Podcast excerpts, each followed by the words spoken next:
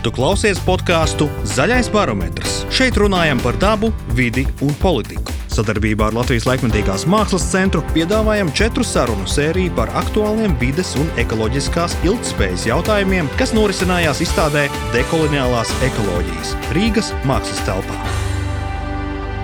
Šodienas sarunas tēma ir uh, zaļais dzīvesveids un mīti par to. Un tālāk tad, uh, vārds uh, Lienai Briskai Kalniņai, kas ir uh, šīs sarunas moderatore. Jā, labvakar. Esmu Liena Brīsga no Latvijas dabas fonda, un man ir tas prieks šovakar sarunāties ar četriem brīnišķīgiem sarunu biedriem. Iepazīstināšu tos, kuri nepazīst vēl. Tātad Rasa Šmita un Raitis Šmits tandēms, kas jau kopš 90. gadu vidus darbojas mākslas zinātnes un jauno tehnoloģiju kruspunktā. Maija Krastiņa, organizācijas Zero Waste dibinātāja pārstāve un kaislīga Zero Waste uh, piekopēja, īstenotāja un uh, var ļoti daudz pastāstīt par maisiņiem. Uh, ja interesē, tad Maija pēc tam var sniegt savus komentārus pie uh, izstādē redzamā maisiņu uh, objekta. Uh, un Jāna Simonovska Eh, vides inženierzinātņu doktore, eh, kas ir ļoti daudzus gadus, vairāk nekā 20 strādājusi vidas jomā, nevalstiskajā sektorā eh, un ļoti daudz izdarījusi Latvijā tādās jomās kā pesticīdu ietekmes apzināšanās, bet šobrīd kā progresīvo partijas biedra ir kļuvusi par 14. saimnes deputāti un centīsies lietas mainīt jau jaunā līmenī. Uh, Tātad mūsu sarunas tēma ir zaļais dzīvesveids un mīti par to. Īsais, īsais jautājums ir tāds, kas jums katram individuāli ir zaļais dzīvesveids, bet tāds piecu vārdu aplis. Pēc tam varēsim parunāt garāk, bet pirmais. Es tieši pirms šī pasākuma domāju, un arī skatījos internetā, ko cilvēki to saprot. Es to tiešām piecos vārdos nevaru izteikt. Visīsākais, ko es varētu pateikt, bija tas, ko uh, ir noformulējusi 90. gados uh, Bruntlāns komisija, kas ir ilgspējīgs dzīvesveids. Un es domāju, ka tas ļoti labi paskaidro, kas ir zaļš dzīvesveids. Tas nozīmē, ka mēs spējam apmierināt savas šodienas vajadzības, uh, neapdraudot uh, nākotnes vajadzības. Maija. Uh, nu man pirmā reakcija arī ir ja? zaļš nē, tas zaļš jau sāk novalkāties. Bet, uh, laikam, vienā vārdā iznāk pieticīga dzīvošana, tā nepārtēriņš, mm -hmm. nepārtērējot. Pie...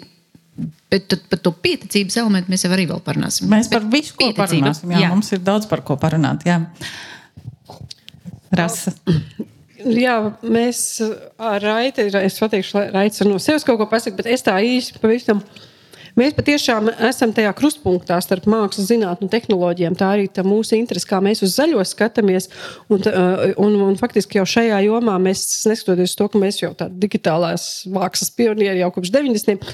bet jau vairāk kā desmit gadus īstenībā iepriekšējo krīzes laiku mēs tieši sākām ārkārtīgi nu, specifiski pievērsties tehnoloģiju un ekoloģiju, mm. tai, tai, tai sintēzei, kas no tā var veidoties. Un pēdējos gados jau, nu, jau mēs vairāk strādājam ar šo tēmu zaļš atmaskots. Mēs tieši par mītiem. Mm -hmm. Jā, labvakar. Man e, vispār nepa, nepatīk tas termins zaļais dzīvesveids. Ja jūs sakat, burtiski zaļais, nu, kas, tad var teikt arī zaļš kā gurķis, un tas galīgi nepieredzējis cilvēks patiesībā, jebkurā no jomām ar savu zaļo, zaļo zaļumu tas par to, un tāpēc mēs arī e, faktiski taisījām 19. gadā e, lielu izstādi, kas saucās Zaļš atmaskots, jeb Angrīna. Mm. Bet par to dzīvesveidu, nu jā, nu tas e, droši vien ir, ka tas dzīvesveids kā tāds, kas ir nu, maksimāli tālredzīgs, varētu teikt. Ja? Tādā nozīmē, Nu, tā kā senākām, eh, es kaut kur lasīju to par eh, senākām eh, amerikāņu pirmiedzīvotāju tradīcijām, kad dzīvojot, domā par trim paudzēm atpakaļ un trim paudzēm mm. uz priekšu.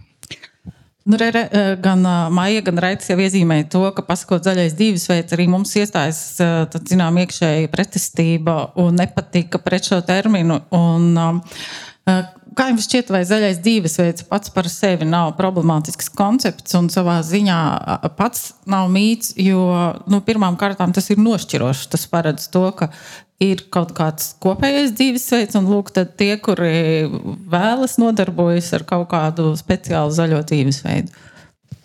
Mazie meži dīvaini vai ne, kas nodarbojas ar zaļo dzīvesveidu. Tā Tas, ko mēs sākām uh, runāt, nu, vienmēr ir jautājums, kāds ir mūsu mērķis. Uh, vai mūsu mērķis ir panākt to, ka izdzīvojam ne tikai mēs, bet arī mūsu bērni? Tad mēs varētu runāt par zaļu dzīvesveidu, vai arī mēs runājam, ka zaļš dzīvesveids ir nu, tā sev, sevis apliecināšanās un kaut kāda veida izrādīšanās un kaut kāda veida stiliņš. Un, diemžēl ja mēs paskatāmies, kas ir tādā publiskā diskusijā, lielākoties zaļais dzīvesveids tiek uztverts kā tāda veida izrādīšanās stiliņš, kas atsevišķi cilvēki dara, kaut kādu tur eko kopienu, zaļais burbulis, viss jauki. Un tā pašā laikā mēs paskatāmies, kas notiek apkārt pasaulē. Nu, Mēs dzīvojam pāri saviem līdzekļiem ļoti spēcīgi, un starp citu, mēs domājam, ka Latvijā mēs esam ļoti pieticīgi, bet uh, ir uh, Vei, eh, ir, ir vairākas organizācijas, ir eh, apvienojušās un eh, uztaisījušas tā saucamo pasaules pārtēriņa dienu, tātad, kurā dienā mēs gada laikā esam iztērējuši visus pasaules resursus, tā lai viņi varētu atjaunoties. Tad pasaules resursi nav bezgalīgi, viņi ir galīgi. Un ilgspējīga dzīve būtu tāda, ja mēs vienu gadu laikā nepārtērējam tos resursus vairāk nekā viņi paši spēja atjaunoties. Un, diemžēl mēs esam savu daļu, ko mēs drīkstētu iztērēt Latvijā. Mēs iztērējām 1. aprīlī pagājušajā gadā vai šogad. Nu, jā, tā tad uh, Latvijas zaļākā valsts pasaulē ir kārtējais ļoti, ļoti novēlēts. Tieši tā, mēs mīts, iztērējam. kuru mums vajadzētu vienreiz par visām reizēm beigt. Mēs iztērējam trīsreiz vairāk mm. sanāk, nekā, nekā mums uh, pienāktos. Māja, tagad tu vari pastāstīt vairāk par to savu pirmo reakciju pret, jā, pret jā. terminu zaļais dzīvesveids. Ne, nu, viņš dikti novalkāts. Ir, um, viņu liet, lieto itin visam. Protams, ka tagad visi ir sapratuši, ka tas zaļums ir tāda interesanta lieta, un tagad viņi uzliek visur, viss būs zaļš, viss būs tāds. Un, un tad, kad atmasko tad viņš ir tāds, kāds viņš ir. Un tāpēc es, mm -hmm. uh, bet arī es piekrītu Janai, nu, tad sanāk, ir kaut kāds viens un otrs īstenībā vajadzētu jau būt tikai tam, tam vienam. Un tas pats ir īstenībā ar aprits ekonomiku. Um, tas tāds šausmīgi sarežģīts termins, Eiropas Savienības lielās stratēģijas, mm -hmm. aprites ekonomika. Tur, nu, bet tad, ko nozīmē? Mums būs aprits ekonomika un ekonomika. Nu, īstenībā nē, ir jābūt tikai vienai ekonomikai, kura ir aprits ekonomika. Uh, jo visa cita ekonomika un arī viss tas nezaļais, viņš, eh, viņš vienkārši nekur mūs neved. Viņš mūs ved uz, tur nebūs tās trīs paudzes, eh, par kurām mēs domājam. Varbūt, ka būs maksimāli divas paudzes. Ja. Uh, mhm. jā, nu, problēma ir ar to, ka tas zaļais ir šausmīgi devalvēts. Nu, tā tad, tā kā nesen bija mana saruna ar uzņēmumiem, kas strādā ilgspējas inovāciju jomā, un viņi teica, ilgspējīgs bizness ir, biznes, ir jaunais biznesa as usual. Mēs varam varbūt teikt, ka nevajadzētu būt kaut kādam. Ka zaļais dzīvesveids būs sevi piepildījis, tad, kad neviens šo terminu nepieminēs, un viņš būs integrēts visās mūsu dzīves jomās. Rasa, vai, vai te, tev ir ko komentēt par uh, terminu zaļais dzīvesveids un šo konceptu problemātiku? Nē, nu, man par to pašu zaļo, jā, man patīk daži tie paradoksi, ko mēs arī saskārāmies savā izstādē. Zaļš, Eh, zaļš, zaļš un cik, cik plašs to var paskatīties. Ja mēs vispār gribam par to zaļo iedziļināties, ja teiksim, nevis viņu atmest, jo neizskatās, ka mēs atmetīsim. Bet viens no tiem paradoksiem bija tas, ka ārkārtīgi daudz pesticīdu ražotāju kompānijas tieši lieto šo grīdu pie, piekabina klāt, mm. piemēram. Un ir māksliniece Eva Marija Lopes, kur strādā tieši ar tādiem logo. Viņi viņus audzina zālē un tā, un tā ir fotografijas, un tieši mēģina izcelt ja, tos, šo pretrunu. Vai arī, bet pats zaļais arī kā krāsa jā, mums liekas, ka tas simbolizē augus, bet tas ir tieši tā spektra daļa, kur auga atstaro. Tā ir tā spektra daļa, kuru augi vispār nepatērē. Jo viņiem patīk viss spektrs, kas ir līdz zaļajam un pēc zaļā. Bet to zaļo viņi visu atstaro atpakaļ, tāpēc viņi izskatās zaļi. Ja? Tā kā, jo, jo, jo, jo tālāk iet, jo tālāk mežā. Un tad par mākslu runājot, jā, visu šīs brīnišķīgā zaļā krāsa, kas simbolizē zaļo dzīvesveidu, kas bija tas šēls vai kā sauc to zaļo krāsu, to pigmentu, kurā arsēns tika iejaukts klāt, lai būtu spilgtā mhm. krāsa, un ka to ražoja 19. un 18. gadsimtā tekstila industrijā, ja?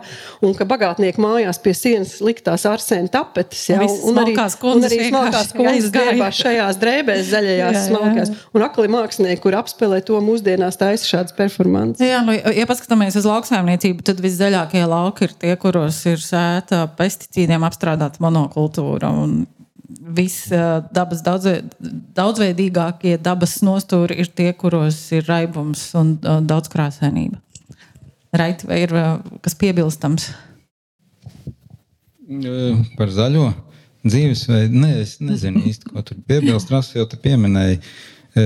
Tā kā nu, es saprotu, mēs nākam no mākslas vidas, līdz ar to mēs meklējam paradoksus un, un varbūt absurditātes, kaut kādu ironiju vai, vai pašironiju tajā. Arī, protams, kaut ko, kas ir nu, interesants, protams, poētisks arī kaut kādā mērā. Ja? Nu, mākslas mērķis eh, nevarētu teikt, ka ir tāds eh, nu, ļoti burtiski tieši kaut ko uh, sludināt un, un piemēru rādīt kaut kam. Mākslai kopumā, ja mēs tā ņemam, mākslai nu, pēc tādas standarta sistēmas, tradicionāli ņemot, vienmēr ir pasūtītājs. -hmm. Un, nu, tur sākot no privāta un baznīcas, un, un, un beidzot ar mūsdienu institūcijām, un vienalga visdažādākajiem e, šiem pasūtītājiem. Un tad arī nu, tajā sadarbībā ar to mākslu, mākslinieku, mākslas radītāju un to pasūtītāju radās tas gala rezultāts kaut kādā mērā. Tā kā tur arī nevajag būt naiviem par mākslu pilnībā, ka tas ir kaut kas tāds ārpus sistēmas, pilnīgi dzīvojošs. Ko es vēl gribēju minēt? Es jau aizmirsu. Nekas mums būs, mums Jā. vēl ir laiks. Tagad nākamais ātrais aplis par to, ar kādiem mītiem par zaļo dzīvesveidu jūs esat personīgi saskārušies. Es varu sākt, jo man bija tāds skatījums, ka manu uh, dēla mm, skolas biedru vecāki teica, uh, nu, Klau, jūs, jūs tāda zaļā ģimene, ko jūs domājat par Aivasku? Nu, viņi bija pieņēmuši, ka cilvēkiem ir uh, kaut kādi zināmi paradumi, tad viņi arī ļoti labi zina, kas ir ajuvaska. Un, un, un, nu, jā.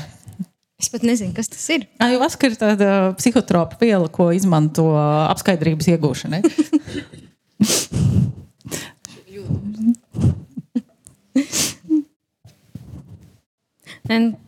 to mītu ir ļoti, ļoti daudz. Es drīzāk pat teiktu, ne tikai mītī Bet arī ļoti daudz ir eh, melu, tas, kas manī vairāk satrauc. Mm -hmm. Jo mēs jau arī tagad runājam, mums ir ļoti dažādas definīcijas, kas no mums izskan.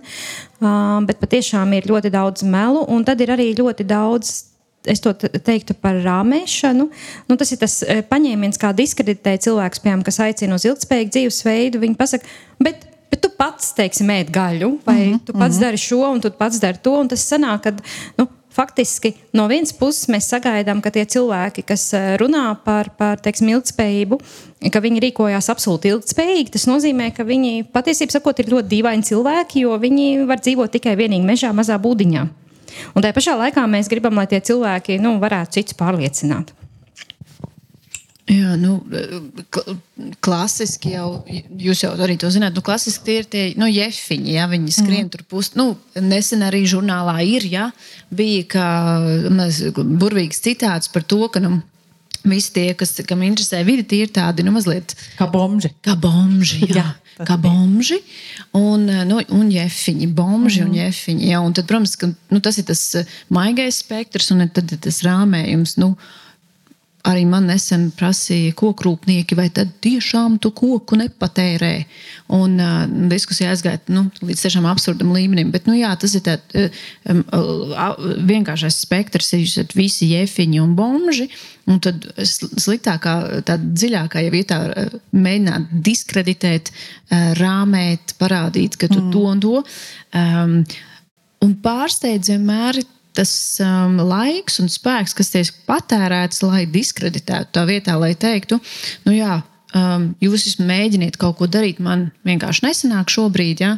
Um, Tas vienmēr ir tāds spurts gaisā, un jūs tur tādi un, uh, un tādi. Kas ir uh, interesanti, ka šī rāmēšana atspoguļojas arī diezgan uh, objektīvos mēdījos, kas cenšas daudzpusīgi atspoguļot vidas problemātiku, saucot vidas organizācijas par dabas draugiem, kuru pretī citu nozaru pārstāvji ir eksperti vai zinātnieki. Bet, lūk, jā, Jā, bet man liekas, ka viens elements, kas ļauj īstenībā mētāties ar tām frāzēm, tiem vārdiem, un, un, un arī iespējams mēdījiem kaut kādā veidā uh, atspoguļot kaut ko, kas īsti neatbilst uh, patiesībai, ir tas, ka īstenībā dati par vidi uh, un dabu ir ļoti grūti pieejami. Uh, piemēram, šodien es mēģināju googlēt, sanāksmes laikā paralēli, cik mums atkritumos ir um, iepakojums, ja? iepakojuma procenti. Man teorētiski tas būtu jāzina 12. naktī, naktas laikā, bet es gribēju zināt, uzzināt precīzi pro, procentu. Ja? To es nevarēju uzzināt. Un, un tas ir atkal un atkal, un tāpēc tā diskreditēšana ir tik vienkārša, ka nav viegli atrodamu uzticamu datu, un otrs puses dati, protams, arī dod to uh, ticamību mm. vai, vai iespēju kaut ko pārbaudīt. Es tā ļoti garu atbildēju. Jā, bet nu, datu problēma ir nenoliedzama gan vidas, gan dabas aizsardzības jomā. Kas ir absurdākais mīts, ar ko jūs esat sastapušies? Es par to jau mazliet pastāstīju, bet es tikai pie šī paša piebilstu par to, ka es arī ļoti iebilstu pret šo duālo nostādījumu, bet tur gan nebūtu nekāds brīnums, jo politikā pastāv tāda polarizācija, man liekas, kāda nav 50. gados nekad pat pastāvējusi, ja, vai 60. augstā kara laikā. Ja. Tāpēc es domāju, ka tas dualisms viņš varbūt arī ir tik agresīvs varbūt šodien. Kaut gan īstenībā, piemēram, mēs, un mēs jau nemaz neiedrošināmies tā teikt, bet es negribu atmest tehnoloģijas, es negribu atmest arī pat ekonomiku. Es zinu, ka daudz gribētu teikt, ka ekonomika tas ir 30. gadu izgudrojums, kādreiz tādas nebija. Es negribētu to atmest, jo man liekas, es, es redzu tik daudz iespējas, kā var mm, kaut vai caur monetizējot dabu, jā, teiksim, ieguldīts, jā, iegūt šie, šie, kā, kā var tikt ieguldīt, investēt naudu, lai patiešām kaut kādus Amazonas mežus pasargātu un tam līdzīgi. Jā. Es redzu daudzus ceļus, kā mēs varam nebūt tik duāli un dzīvot, kaut vai pieņemot tādu lēmumu, ka, ja es braucu kaut kur ar lidmašīnu, ja es lidoju, nu es nebraucu uz divām dienām vairs kā kādreiz, es braucu uz nedēļu. Mm. Man tik viens, tas ir vienīgais, ko es varu šeit tik tālu no centrāla Eiropas dzīvojot, pieņemt sev kā tādu personīgu dzīvesveidu lēmumu. Jā, turpināt šo. À, nē, vai par, to, vai par tām halucinogēnajām vielām? Jā, tā būtu cita diskusija. nu, tas sākumā bija tas jautājums. Bet, e, e, turpinot, varbūt paturpinot to, ko Rasa minēja. Man liekas, ka no mūsu pašu pieredzes mums, piemēram, ir tāds garāks izpētes procesa darbs, kas ir radies no, kā tagad latviešu, lai to pārceļ, no, no baktēriju, baktēriju bateriju tehnoloģijas. Angliski tas ir microbial cell. Un Mēs ārkārtīgi aizrāvāmies, ka mēs uzzinājām par šo tehnoloģiju, aizrāvāmies ar viņu vairāk kārt, nu, tādu gan filozofisku apsvērumu dēļ, gan arī tā paša procesa dēļ, jo tas rezultāts, kāds mums sākotnēji bija iecerēts, ka mēs domājam, ka mēs tagad ar šo te tehnoloģijas palīdzību varēsim darbināt kaut kādas savas elektroniskās ierīces vienam projektam, tas nestrādā, jo tā enerģija ir tik minimāla, ka tur nu, neko daudz nevarēja izdarīt priekš tās vajadzības.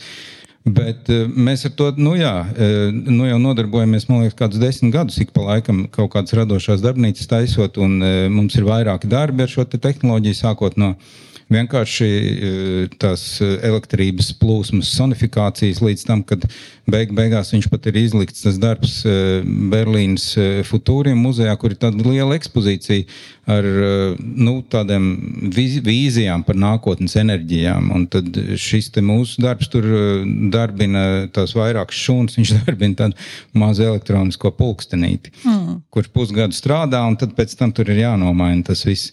Ja tas strādātu, piemēram, dabā, dabā reāli, botāniskajā dārzā mums bija tāda instalācija. Viņš tur var strādāt tik ilgi, kamēr vien tā, tie, tie elektrodi iztur. Jo, principā, tās baktērijas tur dzīvos nu, droši vien visu mm. laiku, jā, kamēr tas dīķis būs.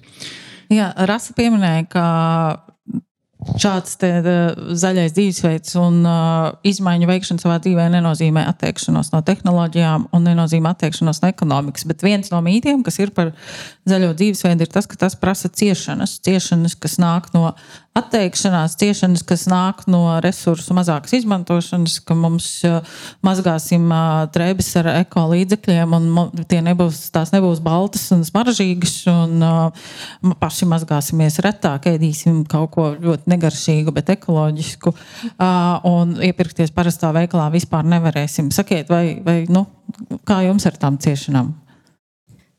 Es teiktu, ka daļēji tur taisnība ir. Es to nesaucu par ciešanām. Es drīzāk to sauktu par attieksmi pret dzīvi un ko tu uzskati par ciešanām. Bet, piemēram, ja mēs arī paskatāmies, kas šobrīd ir radījis tādas ļoti nopietnas problēmas, viens no tādiem nopietniem piesārņojuma veidiem. Viena no problēmām tiešām ir plasmas un mikroplasmas. Un kāpēc plasmas pasaulē ir tik daudz? Tāpēc, ka mēs, nu, re, mums ir stikla trauki, pēc tam viņi būs jānomazgā. Plasmas ir parādījusies tieši tāpēc, lai nebūtu jāmazgā. Mēs izdzērām, mēs izmetām.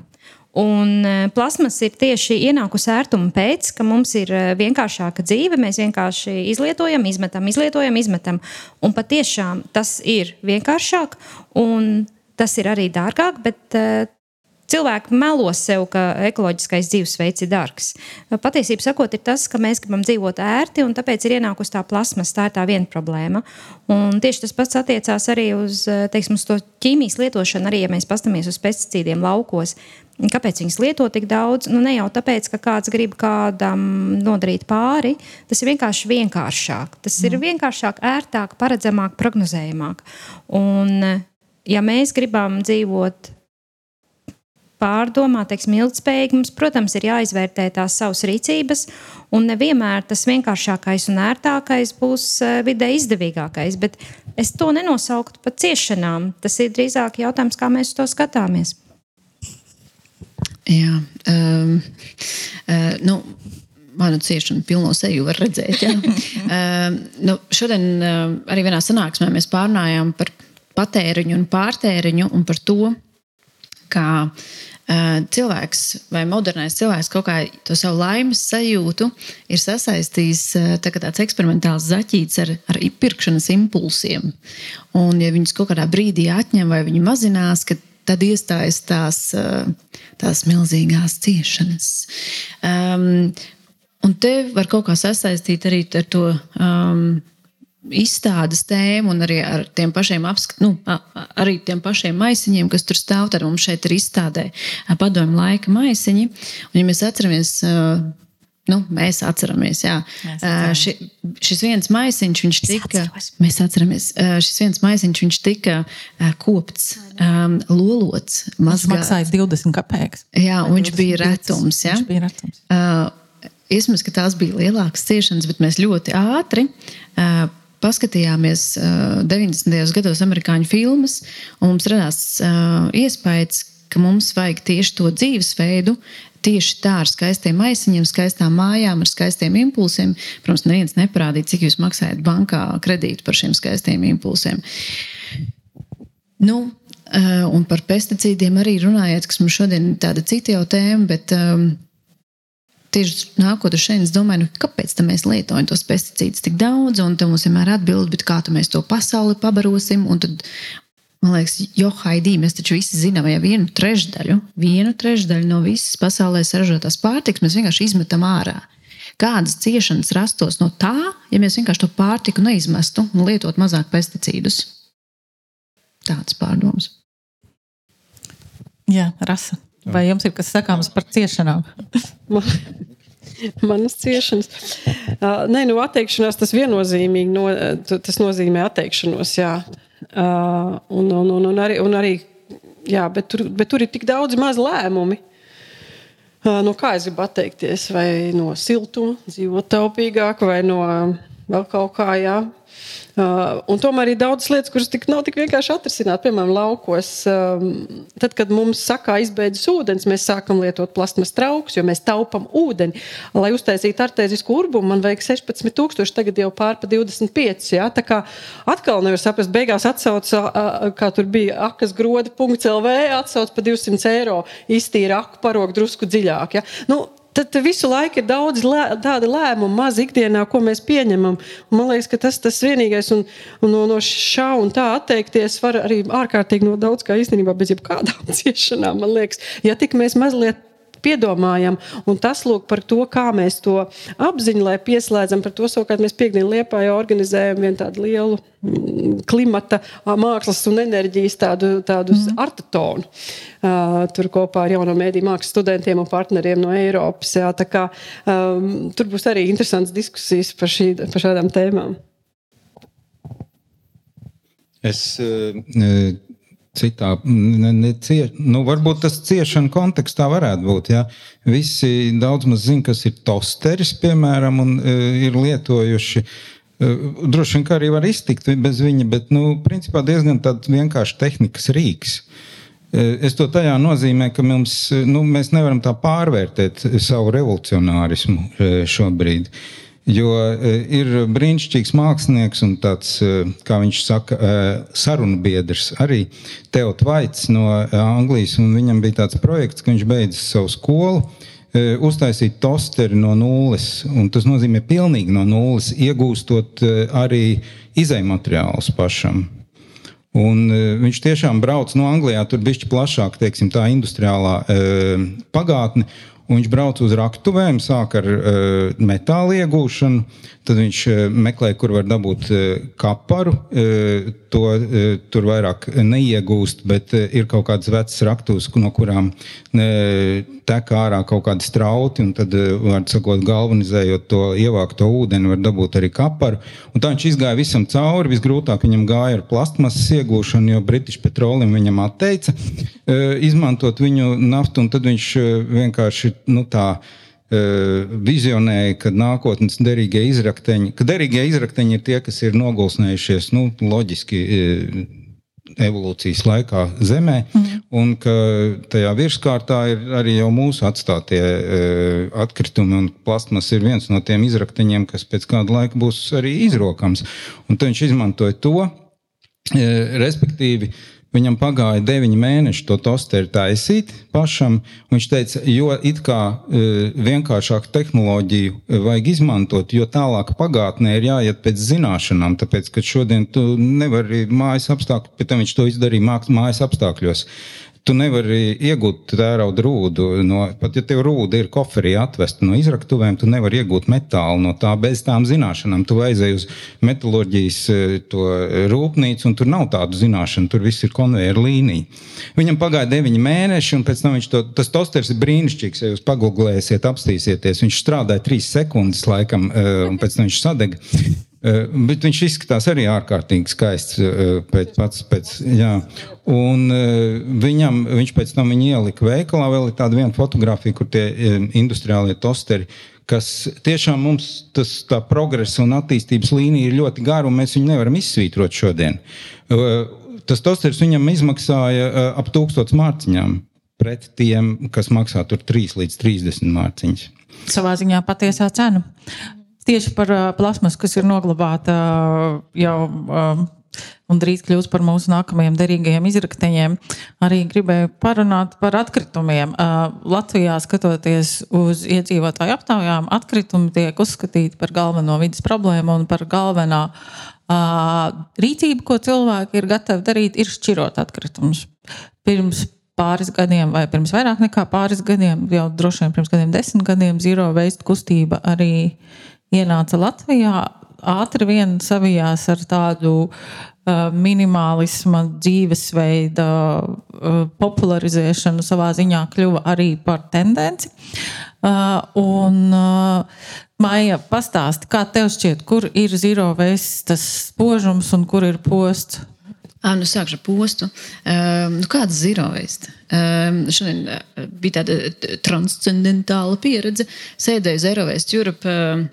Uh, sanāksmē, un uh, tur ļoti iedvesmojoši viens kolēģis runāja par atkritumu samazināšanu, aprits ekonomiku. Un, nu, tiešām iedvesmojošs cilvēks. Un blakus pilnīgi nejauši es nospiedu nejauši vienu pogu, un sākās saimnes tautsēmniecības sēdes ieraksts, kurās, kurā viens deputāts saka, nu, jūs, zero veisteri, jūs jau vispār, jūs esat tie, kuri, nu, tie jefiņi, kas dzīvos kokos, un jums vispār neko nevajag. Ja?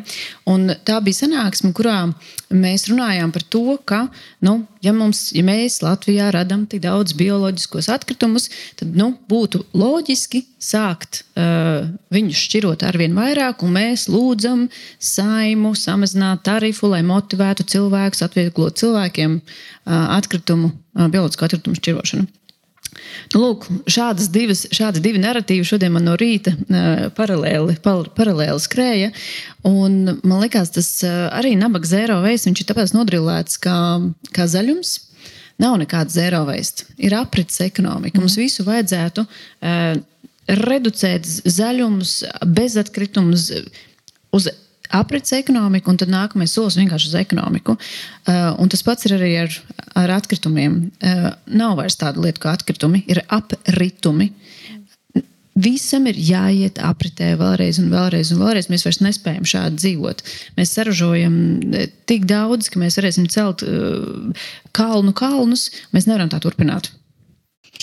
Jā, uh, Atkrit, atkritumiem jābūt par apritumiem un uh, aprits ekonomijai jākļūst par ekonomiku, bet uh, tagad gribēju nedaudz pieskarties Latvijas dabai. Uh, daba uh, pēc, uh, nu, pēc visiem arī aptāju rādītājiem Latvijas iedzīvotājiem ir ļoti nozīmīga vērtība.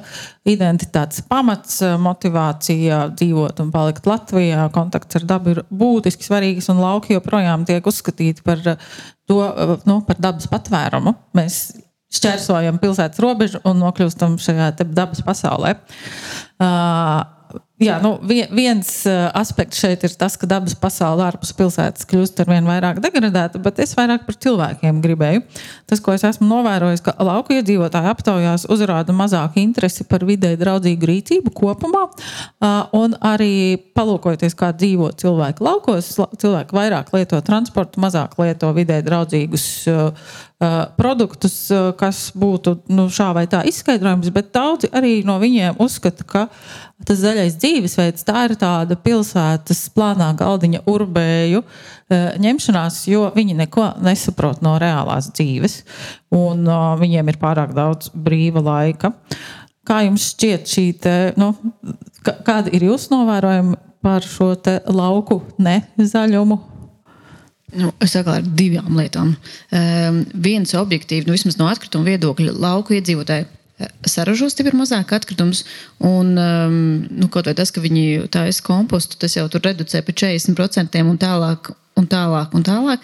Statistiski tā ir. Viņi tiešām saražo mazāk atkritumus, un, attiecīgi, varbūt varam teikt, ka viņi ir dabai draudzīgāki. Bet no otras puses, atkal tas, um, tas elements ar to, ka latvietim daba ir svarīga, um, bet tad Eh, ka mēs paskatāmies atkal, ja mēs gribētu parādīt, jā, tev daba ir svarīga, bet tu īstenībā par vidi nemaz tik daudz nerūpējies. Jo pasties, kāda ir cipari, un mēs cipariem atkal netiekam klāt, lai parādītu, piemēram, cik daudz mums ir kailcirts. Ja? Um, grūti ar, mums ar to, ar to produktu, ar tādu debati un, un datiem. Un, mm, jā.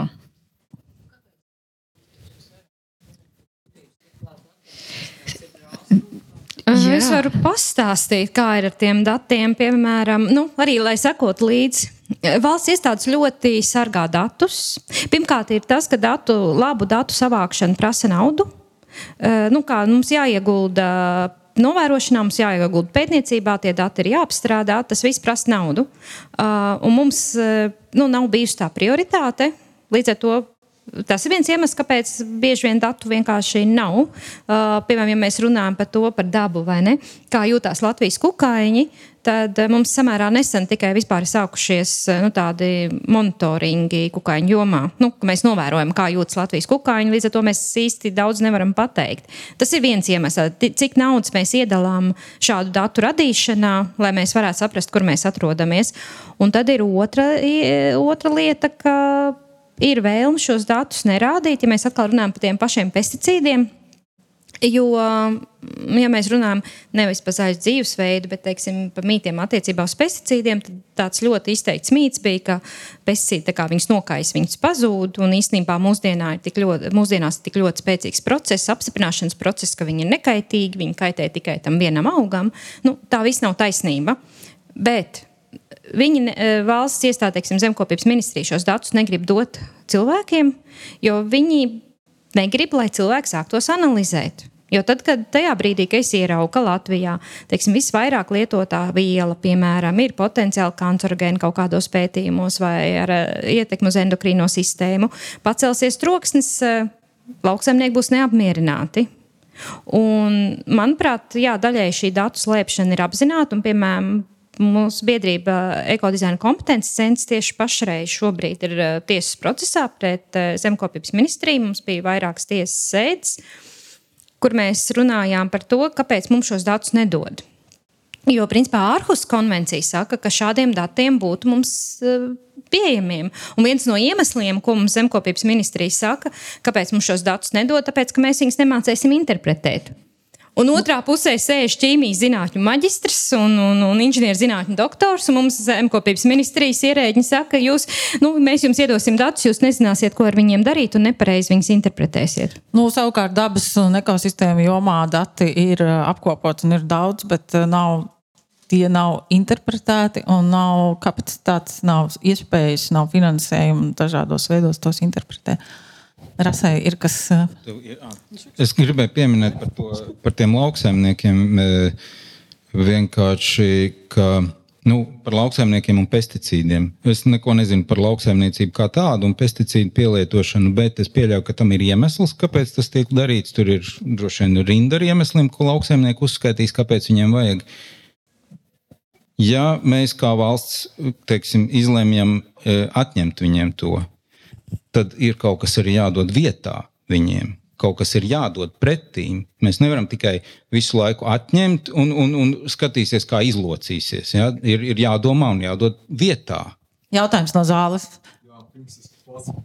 Jautājums datu nedošanu. Izklausās viens jautājums, kāpēc uzņēmējs vāca, vai tas nevajadzētu būt publiskam tomēr. Ja valsts ir pietiekoši atklāta, viņai nav ko slēpt Un otra lieta izklausās pēc standarta liela uzņēmuma, kas mēģina noslēpt savas kļūdas un um, baidas, ka publikā varētu būt jā, sabiedrība būt ļoti neapmierināta ar viņu rīcību.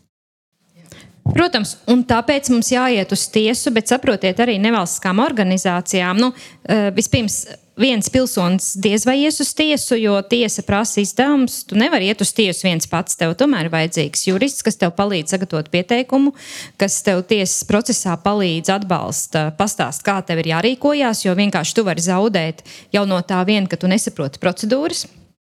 Bet jā, es gribēju varbūt komentēt par to došanu vietā. Lūk, un te ir viena no ļoti nopietnām problēmām, jo faktiski tieši lauksaimniecības politikā ir ļoti liels Eiropas subsīdijas. Un to subsīdiju pat, uh, pamatā tas mērķis ir bijis uh, pārtiks pieejamība un labs dzīvesveids lauku vidē, darba vietas. Un tad ir jautājums, kā katra valsts šo naudu sadala. Un, diemžēl tas veids, kā Latvijā šī nauda tika nu, pat sadalīta, nu, nevalstiskās organizācijas bija vienkārši ārkārtīgi neapmierinātas. Faktiski tas atbalsts, piemēram, ir atbilde, ir bioloģiskā lauksaimniecība. Un atkal tas Latvijas uh, nauda sadalīta ir tā, ka tas atbalsts bioloģiskai daudzveidībai, uh, bioloģiskai lauksaimniecībai ir uh, ļoti neliels. Viņš pat, lauksaimnieks saka, bioloģiskie, viņš pat ir sarucis salīdzinot ar iepriekšējo. Tā kā nav tā, ka mums nav ko dot pretim, nav tā, ka nav metožu, nav tā, ka tas lauksaimnieks paliek bez šā. Jautājums ir tas, ko mēs politiskā līmenī atbalstam, Nu, tieši un... tāds bija jautājums. ja tam nav pretīm instrumenti finanšu, tad, tad, tādā mērogā nevar. Es tikai par datiem došu vārdu. Es par datiem gan gribēju pateikt, ka tur gan būtu jābūt ārkārtīgi skaidrai. Pirmkārt, šie dati, ja jūs minējāt tās ministrijas un ierēģi, ir, ir uztaisīti tātad par sabiedrisko finansējumu, tātad par mūsu naudām nodokļu maksātām. Ja? Uh, Otrkārt, tie visi šie pētījumi tiek veikti. Uh, tātad dati, ne, viņiem tātad tā, tie nav bagāti, nu, tie nav kompānija veikti dati. Tātad tur nepastāv privātniecisks īpašuma tiesības uz šiem datiem. Tātad šiem datiem ir jābūt publiski pieejamiem, tā vienkārši ir jābūt. Jā, vai nu tā ir open source politika, kā kādreiz strādāja zinātnieki, vai tas ir open access, kā tagad virza Eiropa, jā, daudzas lietas. Jā. Nu, tā vienkārši jābūt. Tur pat ne, nevar diskusijā ieiet ne ar vieniem admi administratoriem. Tā ir. Tā ir. Jā. Formāli ir vairākas organizācijas rakstījušas zemkopības ministrijai un prasījuši šos datus, un viņas nav saņēmušas šos datus. Tas, jā. Tad uz to tiesu jāiet. Es par tiesām. um, jā, bet uh, atgriežoties pie zaļā dzīvesveida, kā dzīvesveida, tā viena ļoti slidenā lieta, kas ir individuālā līmenī, ir tā, ko jau šo, šajā sarunā arī mums parādījās, ka tas šobrīd ir trendā. Tas ir stilīgi, tas ir mēdījos, mēs visi uh, gribam būt zaļi, to dara slavenības, līdz ar to cilvēkiem ir tā vēlēšanās būt šajā trendā, un viņi veic kaut kādas performatīvās zaļās rīcības, un tas arī ir viss. Kā jums šķiet, vai mums vajadzētu ar to cīnīties un teikt, nē, tu ar savu vienu audumu maisiņu nekāds zaļais nēsi, vai mums vajadzētu šo performatīvo izpausmju vēlmi kaut kā izmantot viedokļi. Es noteikti neapstrīdētu, nu, nevēlētos apkarot cilvēku iniciatīvas. Un, ja cilvēki mēģina kaut ko darīt un dara, tas man liekas, ir ļoti labs, ļoti labi. Tomēr, manuprāt, pamatā vajadzētu būt izglītībai un labai sapratnei. Un, ja kāds domā, ka nu, izmantojot audu maisiņu, viņš izglābs pasauli, lai viņš ar viņu arī staigā, bet eh, manuprāt, viens cilvēks nu, nevarēs izglābt mm. pasauli. Diemžēl nu, tas, mēs varam aizmirst, ka individu līmenī mēs varam mainīt pasauli, un tas, ka es viena pati staigāju ar maisiņu, eh, ka tas uzreiz samazinās eh, teiksim, iepakojuma atkritumu kaudzes, kas iet uz gatliņiem. Tu tagad sagrāvi. Sagrāvi cilvēks ar audumu maisiņiem. Ne, es teiktu, protams, individuālā līmenī dariet to, un, un tas ir jauki, bet, manuprāt, mums ir jānāk ārā arī no tās nevēlēšanās interesēties. Tomēr, nu jā, es šobrīd varu runāt jau kā politiķis. Es teiktu, ir jāinteresēs par politiku.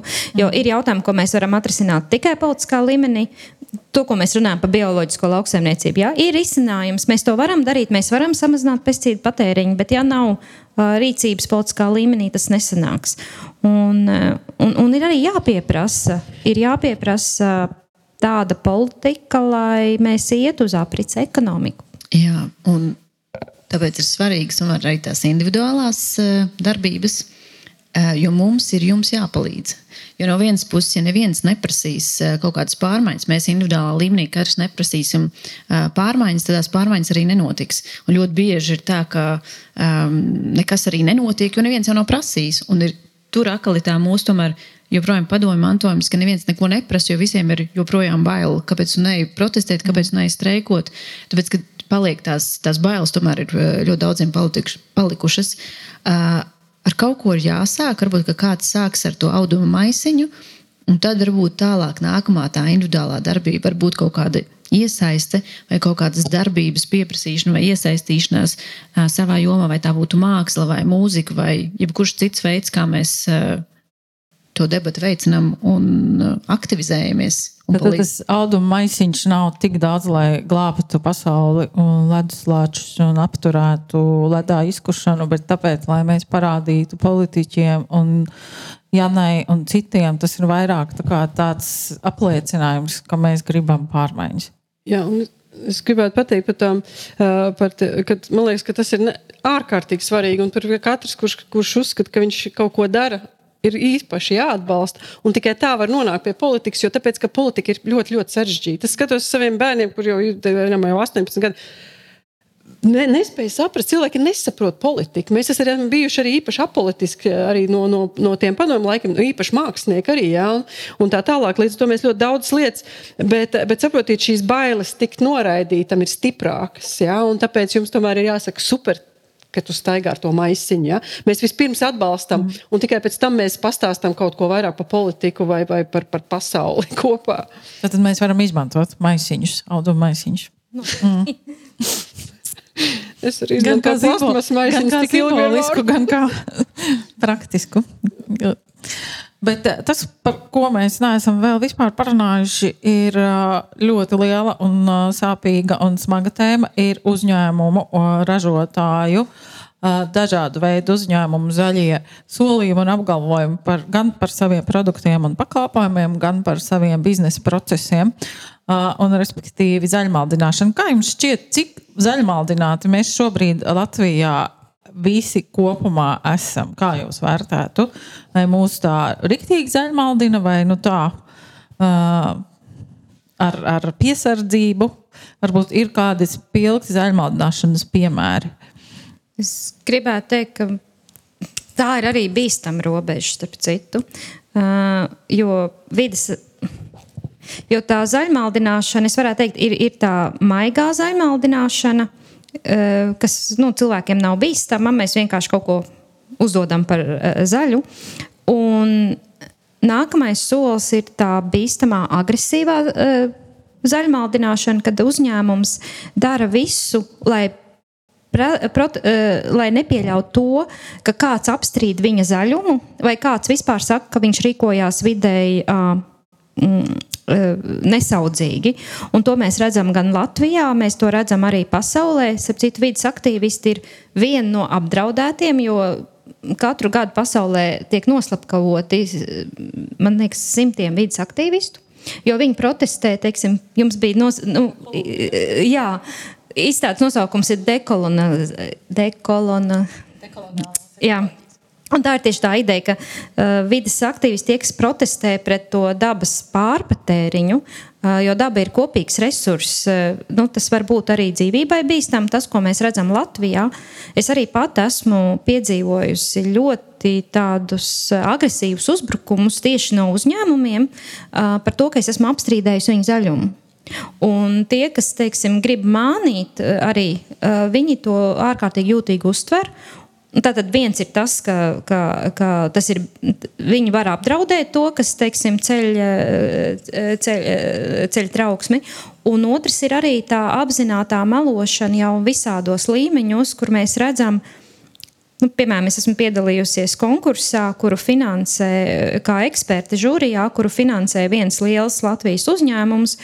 Un pēkšņi es pastos daži jautājumi, kas absolūti, un atbildes, kas absolūti neatbilst manām teiksim, nu, zināšanām, nu, kas ir pretrunā ar to, ko es zinu kā vidas zinātniece, un kas ir tāds mēģinājums ielobēt šī uzņēmuma pozīciju. Tātad viņš caur to, ka viņš finansē skolēnu konkursu, viņš arī mēģina konkursu uzdevumos melot.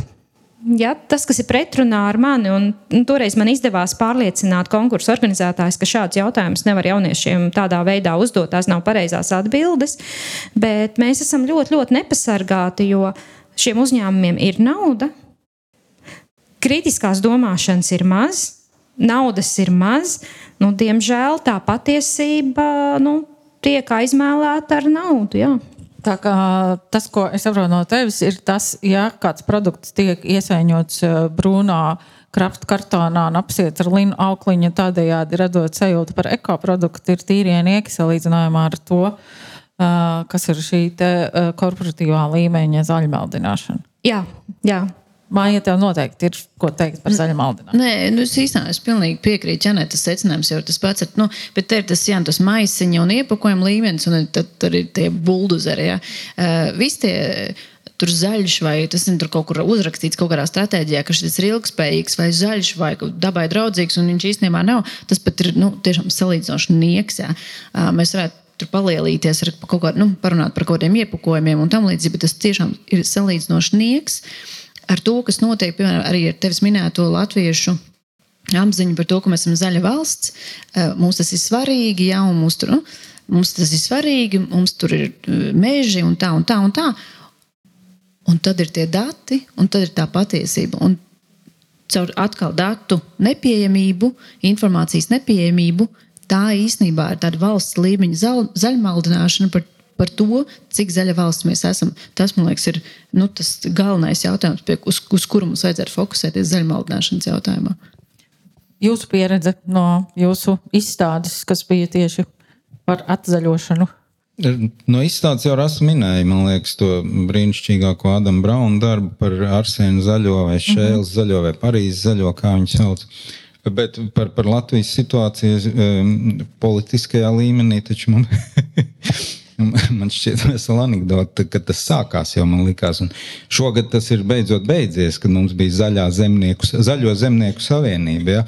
Divas divi pretējie politiskie uzskati būtībā vienā politiskā partijā, ja, kur e, zemnieki un, un, un zaļie, ja, kas ir e, cilvēki, kas aizstāv vidi, ja, ir, ir kļuvusi par tādu vienotu kopumu. Jau mēs cik tur divas dekādas jau tas notiek kaut, kaut vai trīs. jā, nu, tā kā, tā, tā, tāds absurds, man liekas, tas. E, jā. Tātad mums ir zaļmaldāšana ļoti daudzos līmeņos. Ko mēs varam darīt ar to? Uh, nu, sāksim, man liekas, ka ļoti labs ir tas uh, negaidītais mūsu fokus uz datiem. Jā. dati, dati, dati, dati. Mums ir vajadzīgi dati un nevis tikai Excel tabulē, tabulā vai kaut kur noslēpt ministrijas mm. gaitenī. Uh, mums ir nepieciešami dati, par mūsu uh, valsts stāvokli vides jomā, uh, dažādās jomās. Uh, un arī Eiropas komisija tiešām piedāvā ļoti daudz dažādas datus, bet viņi nav draudzīgi. Eh, ja mums būtu viens tāds nu, maģisks, maģiska nūjiņa, un šodien mēs varētu datus piedāvāt cilvēkiem viegli pieejami, eh, draudzīgā veidā, skaidri un saprotami, eh, tas būtu tas pirmais, ko es darītu.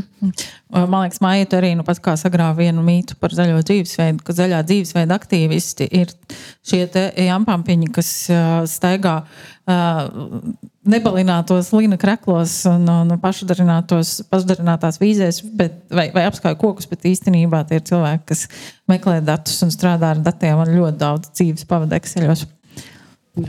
Nu, es arī vēl līdzīgi gribēju piebilst par, to, par mākslu. Īpaši tādu kā šī izstāde, kurā mēs šeit atrodamies šobrīd. Citu ļoti brīnišķīgi izstāde. Ja vien, tas būtu rādio, kurā mēs šobrīd runājam, aicināt visus, lai nāk skatīties. Uh, jo tāpēc, ka man liekas, ka tas, ko māksla spēja izdarīt, ir uztaisīt to izceļu reizēm uz cilvēku apziņu caur um, tīri estētiskiem vai poētiskiem līdzekļiem. Ja? Un, un tāpat laikā man liekas, tik ļoti svarīgi ir. Uh, aizvākt vēl vienu mītu, to romantizēto ideju par Latvijas uh, laukiem un par Latvijas zaļumu. Ja? Jo tāpēc, tas vienkārši ir pretrunā ar datiem, pretrunā arī ar, ar visu, ar jebkurām, pat, pat ar jebkuriem cipariem, pat tiešām izmaksām, cik tas viss maksā laukos uh, dzīvot. Ja? Un otrkārt, cik mēs ļoti īstenībā esam zaļi, bet vai patiešām, ja tā kārtīgi aptaujātu tos iedzīvotājus un tam līdzīgi, vai viņi vispār brauc uz tiem laukiem vēl, vai viņi redzējuši īstenībā, kā tur tagad šodien ir un tā tālāk. Ja? Un vēl vienu mirkli. À, nu jā, nu jā. Vai kā iznīcināt kurmīšus un gliemezīšus. Ja? Kas, kas, kas ir daļa no tā visa, ko, ar ko mēs uzskatām, kāpēc mēs esam? Un, un šeit mēs esam kāds desmit gadus gan kā pasniedzēji arī ieguldījuši mācot dažādas, visas Feliks Gvatarī, Bruno Latūri, ja? visādas tehnoekoloģiskas, arī dažādas filozofijas, ja? lai, lai šo romantismu pārvērst par tādu patiešām tādu, mm, tādu kā jūs sakat, nu, izmantot elementāru zinātnisku metodu, novērot. Vispār apskatieties, mm. pirms jūs romantizējat. Dabas aizsardzība un vidas aizsardzība ir ļoti praktiskas jomas, un šo romantisko priekšstatu var ļoti viegli dabūt prom no sevis. Kaut vai tad, ja Jāņos brauc uz laukiem un tad sagribas aplūgt Jāņu pušķi vai uz, uzspīt vainagdziņu, un apkārt ir lauka, lauka, lauka, bet nav vairs pļava. Tā ir Es tūlīt nonākšu pretrunās pat ar sevi, bet tā nav pretruna. Es, at, jā, es domāju, viens no ceļiem ir dati, un, un pilnīgi noteikti pierādījumos balstīta politika. Jā, mums ir jāstāsta, un, un, un, un tai politikai jābūt balstītai datos. Bet otra lieta ir tāda, ka mēs cilvēki uzskatām sevi par ļoti racionālām būtnēm, bet patiesībā sakot, mūsu vada emocijas. Un mūsu lēmumi ir emocijās balstīti. Un tieši tur es redzu to mākslas lomu, jo ar datiem mēs nevaram pārliecināt cilvēku kaut ko mainīt un, un, un mainīt uzskatus, tas ir ārkārtīgi grūts darbs. Un tur, man liekas, ir atkal tieši tā mākslas loma, jo māksla spēja uzrunāt ne tikai prātu, bet arī sirdi. Jo faktiski, lai mēs kaut ko mainītu savā attieksmēs, mums ir jārunā ar sirdi. Un tāpēc es domāju, jā, mums ir vajadzīgs gan viens, gan otrs. Tad mums ir vajadzīgi dati, un tā pašā laikā jā, es ļoti priecājos, ja ir ja mēs skatāmies, kas ir tie ceļi, kā mēs varam uzrunāt cilvēkus un, un, un runāt par lietām, kas aizskar sirdi. Jā, man liekas, ka vēl e, svarīgi šodien piezīmēt, ir, ka mēs beidzot, mēs e, vidas, e, vidas ļaudis, esam nonākuši izstādē, e, kurā runā par vidi. Un tas... Kas nav pirmā šāda izstāde, šādas tēmas izstāde, bet vienmēr ir bijusi paralēlā pasaule. Jā, mēs dzīvojam mazliet mm. dažādos burbuļos. Un īstenībā šis ir lielisks piemērs, kā mums īstenībā mums, tā tam arī vajadzētu būt. Nav jābūt tur vides, vides izstādēm vai vides kaut kādam. Šī ir vienkārši izstāde. Tas ir tas pats princips par aprits ekonomiku vai par dzīvesveidu. Mm. Šī ir vienkārši izstāde par mums sabiedrībai kritiskām tēmām un jautājumiem. Jā, bet uh, vēl viens novērojums par tā, cilvēkiem individuālā līmenī. Uh, ir Latvijā tomēr salīdzinoši ar laiku pirms desmit gadiem arvien vairāk cilvēki, kuri savā ikdienā apzināti izvēlas vidē draudzīgus paradumus. Un pirms kāda laika ar vairākiem no viņiem es runāju, un šie cilvēki kādā dzīves periodā ir tiešām apzinīgi atteikušies no gaļas ēšanas, mēģinājuši samazināt atkritumus, darījuši visu, ko vien varējuši, bet šī motivācija dzīvot šādu dzīvesveidu ir uh, stipri mazinājusies. Daudz, vairāk no viņiem pieminēja, nu, kāda jēga no tā, ka es te, uh, nu, ciešu nosacīti, kamēr Kima Kardashian vai Taylor Swift tur uh, nevis aiziet uz veikalu, bet aizlido ar privāto lidmašīnu. Šādās pasaules procesu priekšā šīs mazās, savas mazās lietas šķiet bezjēdzīgas. Uh, kā jums šķiet, kā var saglabāt motivāciju pieturēties pie vidē draudzīgiem paradumiem?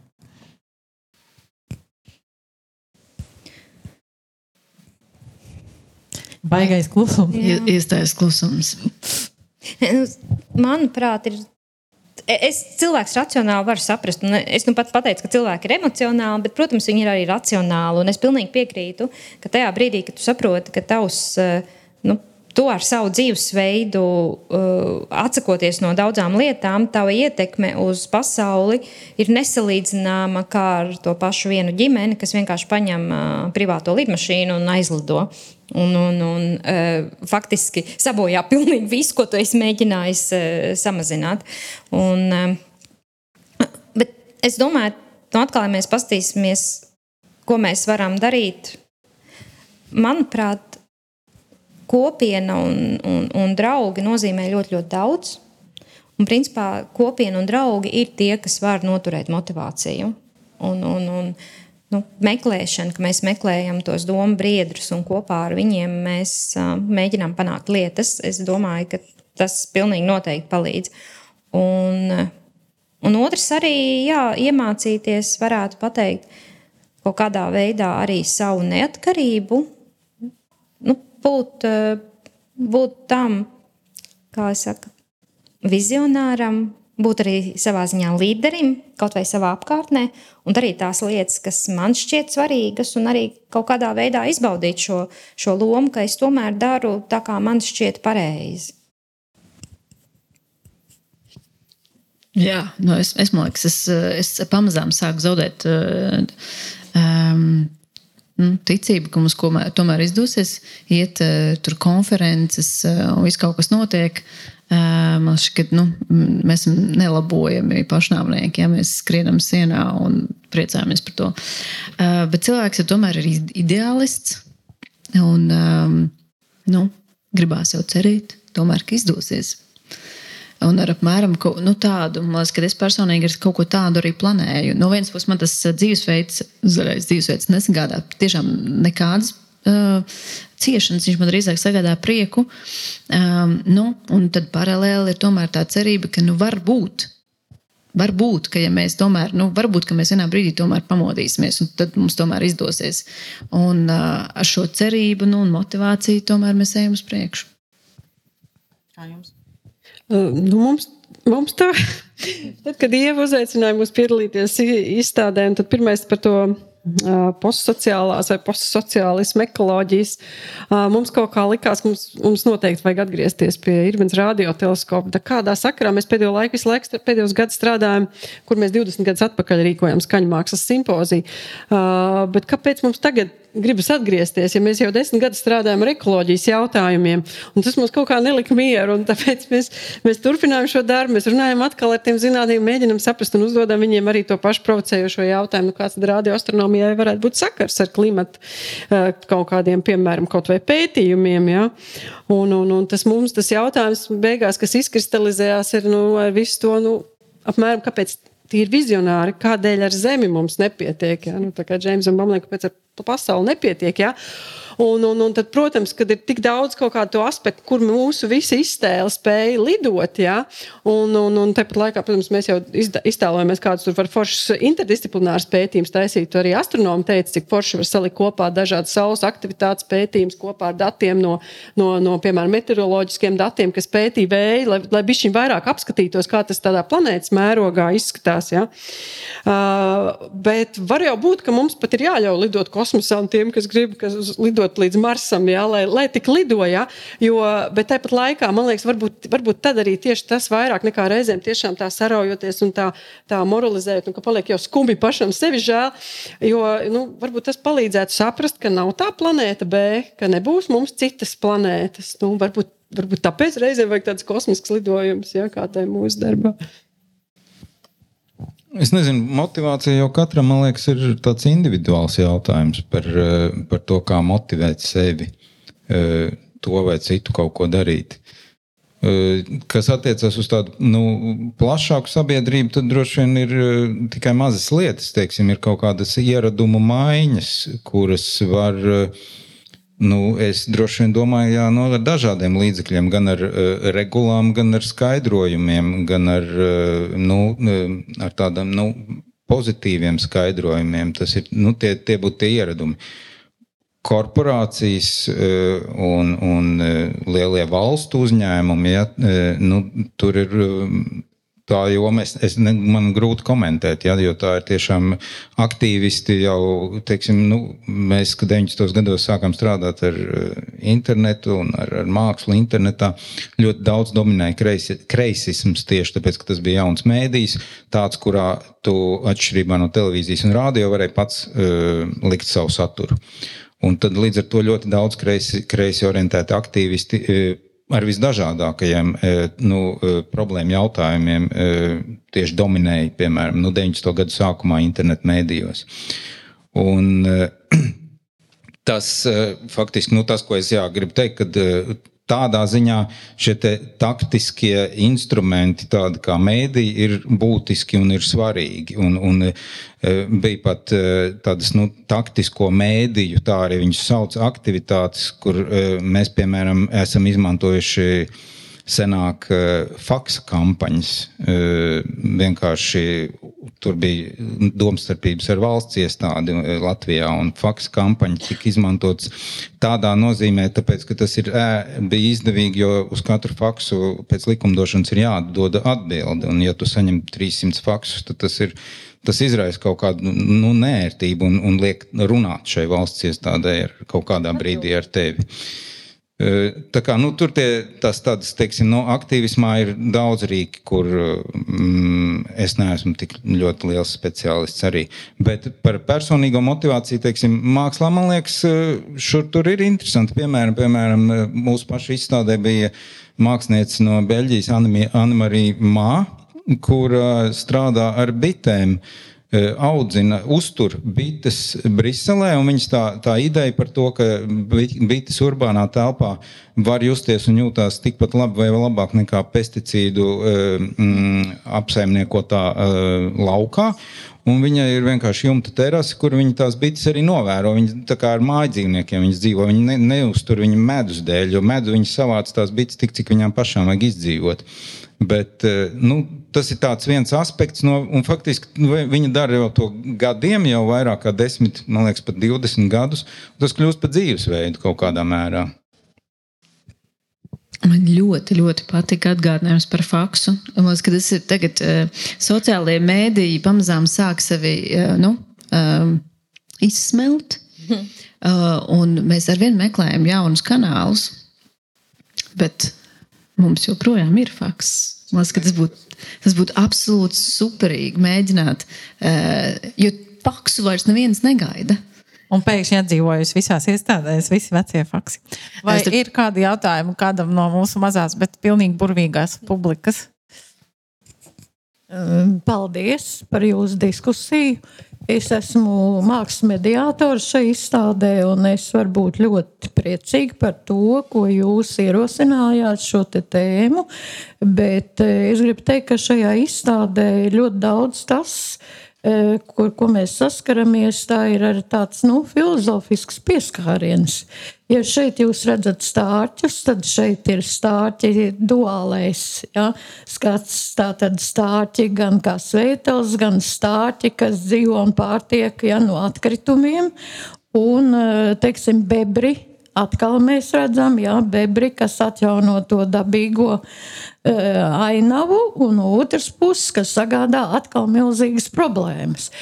Un, ja mēs par šo te runājam, es ļoti atbalstu jūsu šo domas veidu, par eh, zaļu maldināšanu. Ja? Nesen viens no mūsu filozofiem uzrakstīja grāmatu, tas bija Kūlis, par patiesības jautājumu. Es godīgi teikšu, ka es visu laiku jūtu šo zaļu maldināšanu. Es saprotu, ka dati dati mums tiek slēpti. Tas ir interesanti gan lielie uzņēmumi, gan peļņa, gan korporācijas un tā tālāk. Bet tad, kad tu atklāji šīs aizkulisēs, ziniet, tad brīžiem matis lienas stāvs. Piemēram, nesen eh, viens pret vienu, kur Ēders tā tad uh, intervēja, ja atceraties to, ko noņēma. Uh, nu, viņa dēļ faktiski atstādināja no ieņēmuma dienesta, kas notiek Latvijas mežos. Ja? Kādā veidā, kāda ir šī peļņa, un, un ziniet, mati ceļās stāvs. Tas ir viens šīs milzīgās peļņas iespējas, dati, ko sniedz mums, un neļauj tā tad, kā jūs sakat, interpretēt. Mēs nepareizi interpretēsim. Bet vēl pie zaļmaldināšanas es domāju, ka ir arī šī birokrātiskā sistēma Eh, nesen eh, mūsu ģimenē mēs saskārāmies ar problēmām, eh, teiksim, zooloģiskais dārsts kur iegūt, teiksim, ko met ārā, ja, un šie produkti, lielveikali. Un pēc, tur, pēc visām tām specifikācijām viņi izmet ārā, bet viņi nevar dot ja, šiem dzīvniekiem. Es domāju, ak, Dievs, ja, ja paskatītos kaut vai to, kas notiek, nu, šis nozagtais pianīns, ja, tipiski šī birokrātiskā sistēma, kas mums ir, ja, tad arī tas daudz ko likt pārdomāt. Un tad, kad jūs runājat par ciešanām, tad es domāju, nu, kas izstāde vēl var būt labāks rādītājs kā uh, Oļas uh, Mihalčukas ja, darbs, kur jūs redzat, kas notiek karā kas notiek? Atkal filozofiskais piesitiens, tā ir atmiņa mētra, kas notiek ar dzīvniekiem, kas notiek ar puķēm, ja, kas notiek ar, ar, ar, ar, ar, ar putniem, kas notiek ar, ar, ar cilvēkiem, atmiņu mētra, ja, filozofiskais. Un, ja jūs runājat par ciešanām, es domāju, ko tad mums vēl vajag? Lai šī zeme pārvērstos ja, par šādu sistēmu, tad piedodiet man, ja, mūsu šīs nedomāšana par to, ko jūt augi, dzīvnieki, putni, vispār cilvēciskas būtnes, kas eh, domā savādāk citā sociālā sistēmā. Ja? Tad tas arī liek domāt par šīm trim, ko jūs teicāt, ja? lietām. Eh, kad ir šis tomēr vidusmērs kaut kāds vajadzīgs. Jo no vienas puses mēs redzam, ka ir gan šie pārspīlētie, kā jūs teicāt, jefiņi, ja? un no otras puses šis pārmērīgais patēriņš. Nu, mums ir kaut kāds vidusceļš, acīm redzot, ir jāizvēlās. Un tad, kad mēs redzam to, kas šeit ir izstādē, mēs varam arī salīdzināt, cik ļoti liela loma ir māksliniekam, kā viņš to pasniedz. Piemēram, šeit šie stāķi un getliņi izgāstu. Un te pašā laikā es atceros Lēlas Pakalniņas dokumentālo filmu Leiputrī. neko poetiskāku es nebiju redzējusi kā šo filmu. Ja?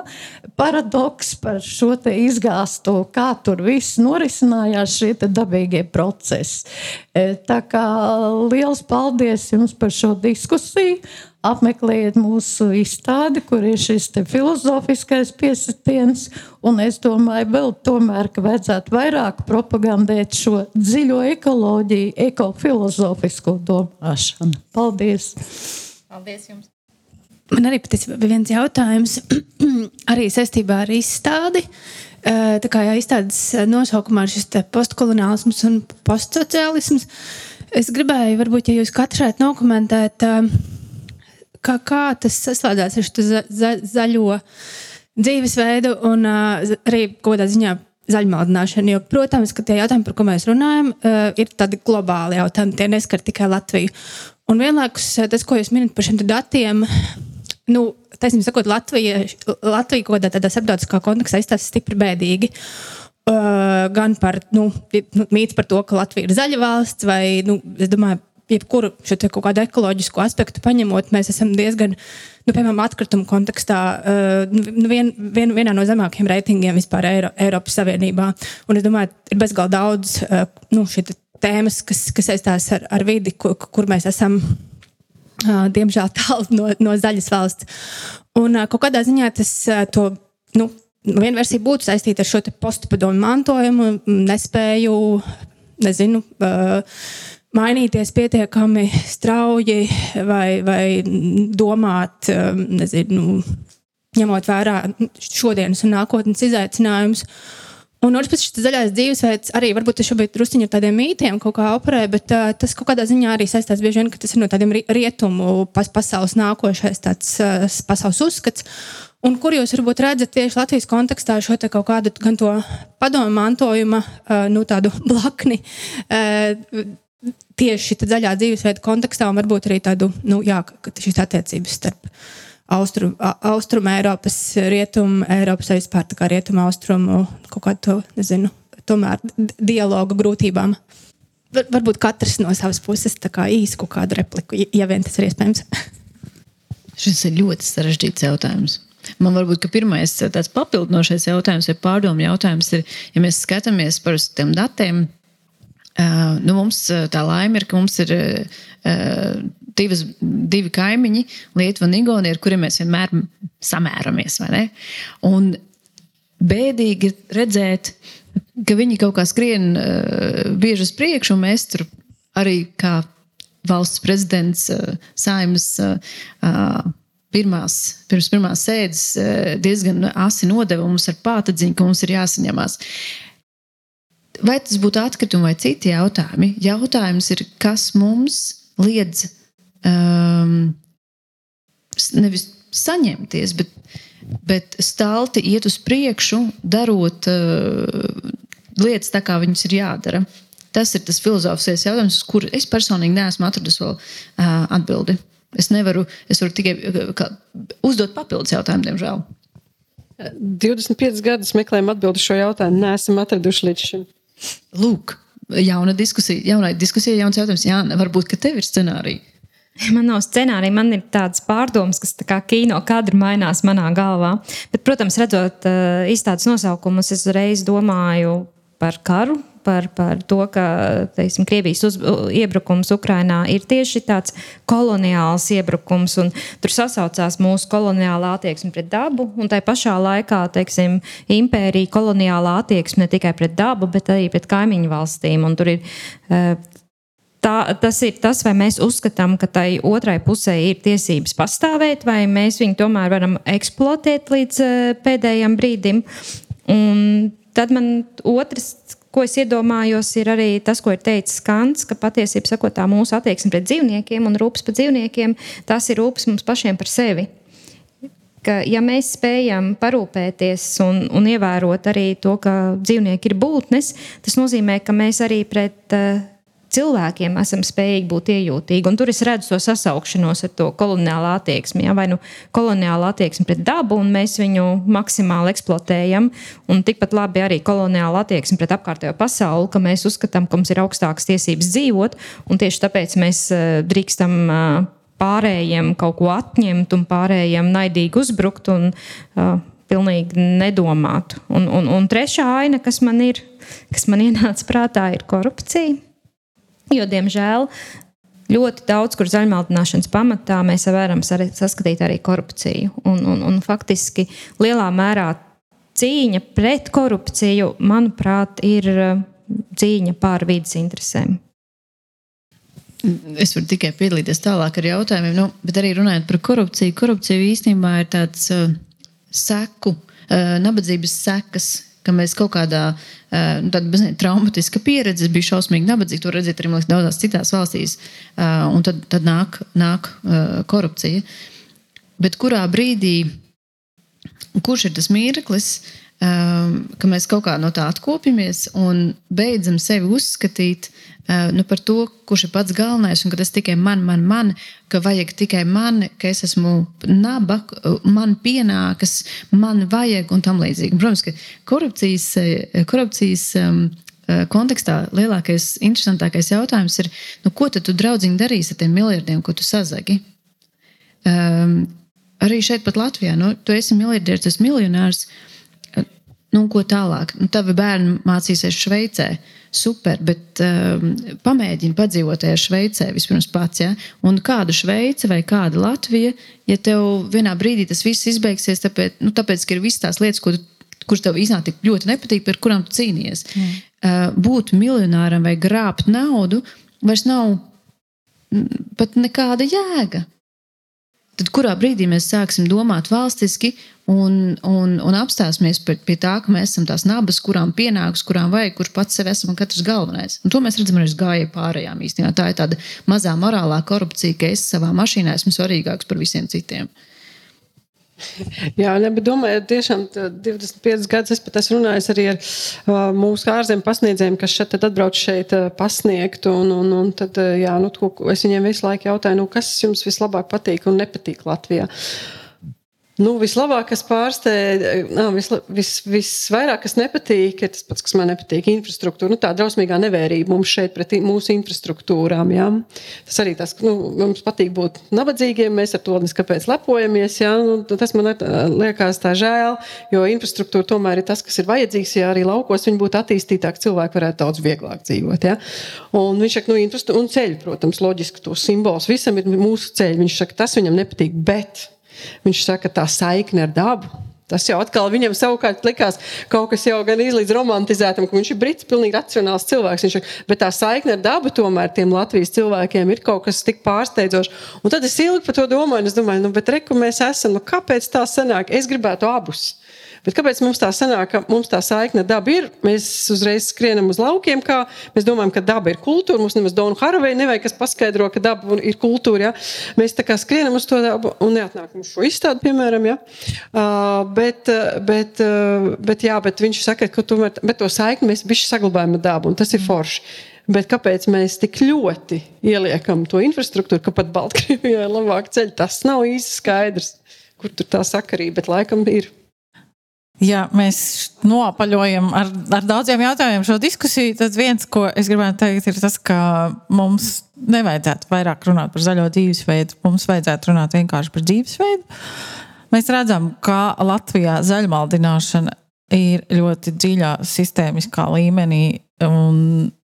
Mēs arī ļoti pieskārāmies šim negaidītajam datu aspektam, kas ir ļoti cieši saistīts ar viņa ar to, ko mēs varam un nevaram izdarīt. Un, jā, man ir prieks, ka šī saruna bija nevis par to, kā iet ar savu burciņu uz veikalu, bet par tādiem apziņas valstiskiem jautājumiem un daudz dziļākiem. Bet ejiet ar savu burciņu uz veikalu. Tas nemaz nav tik grūti. Paldies, Jāna, Paldies. Maija, Rasa un Raiti. Paldies. Un Ieva, un Anita, un Baiba. Un... Bet mēs varam turpināt. Pilsoniski aktīvi tādā ziņā, ka jūs lietojat to mēs, mūsu. Man ļoti patika piemērs par Kadrišanu vai kā viņu sauc. Man pilnīgi vienalga. Lai viņi lido, ir tas mans mugurkauls, ko es daru. un kāpēc es daru. Un, un, man, un šis te, ja cilvēku ietekmē tā, viņš viļās, ko Liena stāstīja to, nu jā, es daru, bet viņi tur dara un tā un tā. Nu, tas ir līdzīgi, kā es klasē ir problēmas ar uzvedību, uh, kur mācās mans bērns. Un uh, viens cilvēks grib paust, ka viņš ir krūts, Un viņš grib izrādīt to, kā viņš visu te māca un kā viņš māca izvest no pacietības skolotājus. Un visi 20 pārējie skatās un cieš. Un tas, kā reaģē vecāki, nu, bērni ir bērni. Bet vecāki, jūs esat pieaugušie, velkam robežas, darām kaut ko. Ja mēs redzam, ka šeit ir kļūda, nu, nevis zēnā ir kļūda, bet kļūdā mūsu reakcijā. Pārējais vecums Nu, jā, datu nav. nu, ka, ka kaut kā, ja mēs zinām faktus, ka mums ir noteikumi, ar ko mēs varam operēt, tad mums ar to ir jāoperē. Bet vairāk jālieto vārdi man, es, ko es varu darīt, nevis ko mēs varam darīt. Jo es droši vien nevaru, man patīk ērti patērēt un, un paļauties uz profesionāļiem, nobalsot un lai viņi tālāk rīkojas. Bet, uh, jebkurā gadījumā, man liekas, ka katra personiskais mugurkauls ir svarīgāks par to, ko mēs varam darīt. Un izglītība ir ārkārtīgi svarīga. Tiešām, kā jūs ar savām iniciatīvām, iestādēm informējat skolas, lai viņi nāk uz izstādēm. Vai... Es domāju, ka ir visādi zaļās klases un, un viss kaut kas, nezinu, kas tur notiek. Tur laikam mācās šķirot atkritumus.